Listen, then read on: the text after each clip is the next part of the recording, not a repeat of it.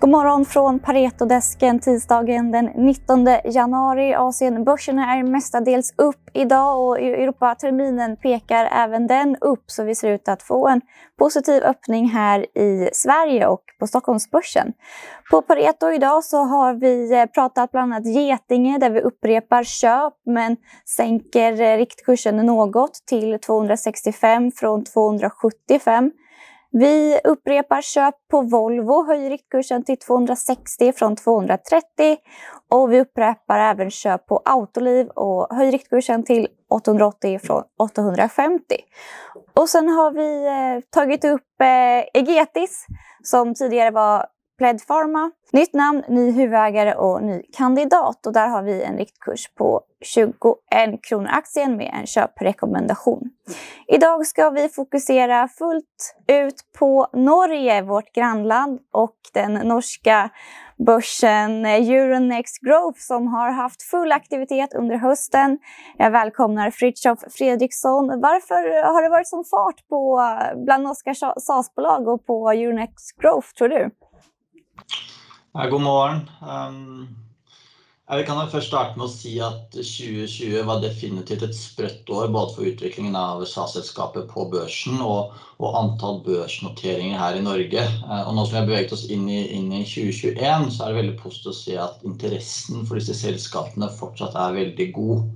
For det første så har nylig børsnoterte SAS-selskaper fortsatt å øke verdi. Eksempel har Meltwater tradet opp rundt 20% allerede i år, og Pixip er opp over 30%.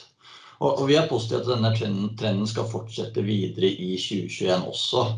Og Faktisk er størrelsen på sektoren vi ser i dag et ganske nytt fenomen i Norge, og som sådan tror vi både kunnskapen og appetitten bare vil øke fremover.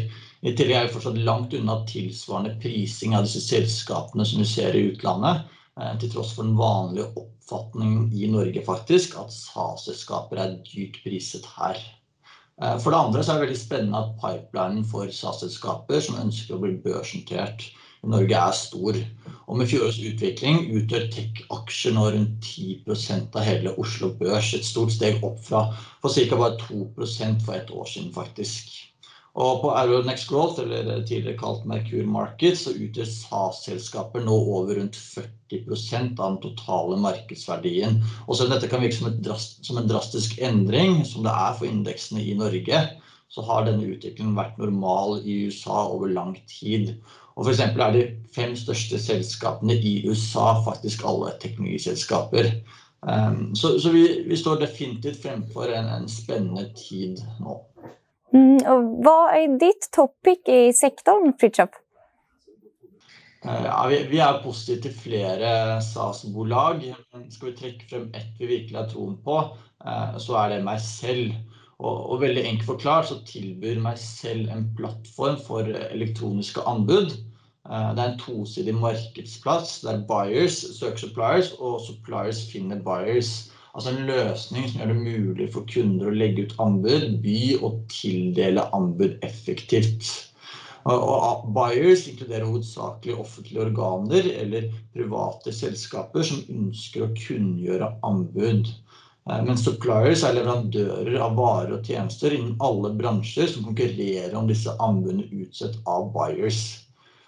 Det som er viktig å nevne her er at plattformen til meg selv gjør det mulig for offentlige buyers å overholde regelverk i Europa, ettersom alle offentlige anbud over en viss terskel, vanligvis cirka 100,000 euro, er lovpålagt å publiseres i en offentlig online database. Og Det som er spesielt med dette markedet er at vi tror det tvinger frem et winner takes it all scenario med én eller få antall dominerende aktører over tid. Og Enkelt forklart så er det slik at hvis et anbud legges ut via en plattform, så er det naturlig at det bys på gjennom samme plattformen. Og Derfor jo flere buyers som bruker en plattform, jo flere suppliers vil plattformen automatisk få. Og Dette skaper en såkalt nettverkseffekt som gjør det vanskelig å utfordre store aktører. Ikke sant, vi har siden vi tok opp dekning av selv, fremhevet at av disse nettverkseffektene, så dette markedet tvinger frem et typisk winner takes it all scenario med en eller noen få spillere. Og det er på mange måter hva som har skjedd i Norden, hvor Mercell nå har en markedsandel på ca. 80-90% i Norge, Danmark og i Sverige. Eh, men ser man mot Europa, så er markedet betydelig mer fragmentert. og Derfor har selskapet et uttalt mål om å konsolidere dette markedet også. Eh, og I tråd med den strategien har de gjort åtte oppkjøp de siste to årene. Eh, vist at de kan utnytte synergier svært godt og screenet 100 potensielle oppkjøpskandidater utover de åtte de allerede har kjøpt.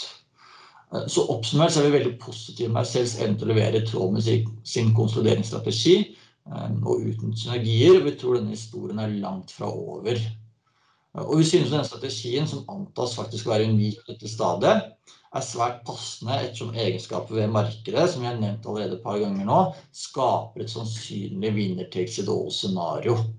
Og I tillegg til dette har selskapet vist at de er i stand til å vokse organisk med over 30 i året, holde seg lønnsomt mens de investerer tungt i vekst.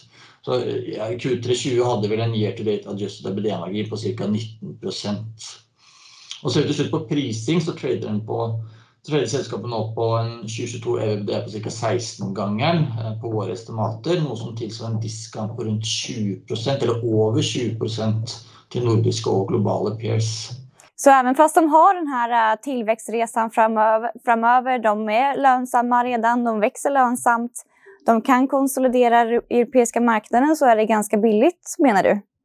Ja, absolutt. Og hvis man ser på de viktigste parameterne relativt til hvordan prises eh, på multipler, da, da snakker vi om vekst og lønnsomhet, så, så er denne discounten høyst ufortjent i, i vårt syn. Og, og, vi har derfor et kurs på 14 kroner aksjen per nå, som tilsvarer en, en oppside på ca. 30% Men det er viktig å fremheve her også at vi, vi ser betydelig oppside utover dette også, hvis selskapet fortsetter å levere på sin ekspansjonsstrategi.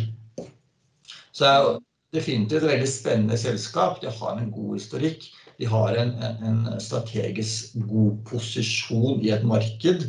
Eh, og, og, og value proposition med det de, eh, det de tilbyr, er helt klart veldig god. Så det er et selskap som, som vi tror kommer til å levere fremover tid også. Og, og den discounten trader på nå er eh, vårt syn høyst ufortjent. Mm, tack så jättemycket Fritiof. Vi får fortsätta att prata norska SAS-bolag med dig framöver. Ha en bra dag i Oslo. Takk skal du ha. Och vi är tillbaka igen imorgon. Och jag skulle vilja tipsa om att eh, gillar man norska bolag så borde man lyssna in på vår Power and Renewable Conference som vi har på torsdag. Den utgår från Oslo men är såklart virtuell. Så om man är Pareto-kund kan man gå in på plattformen och signa upp sig där. Tack så mycket, ha en bra tisdag!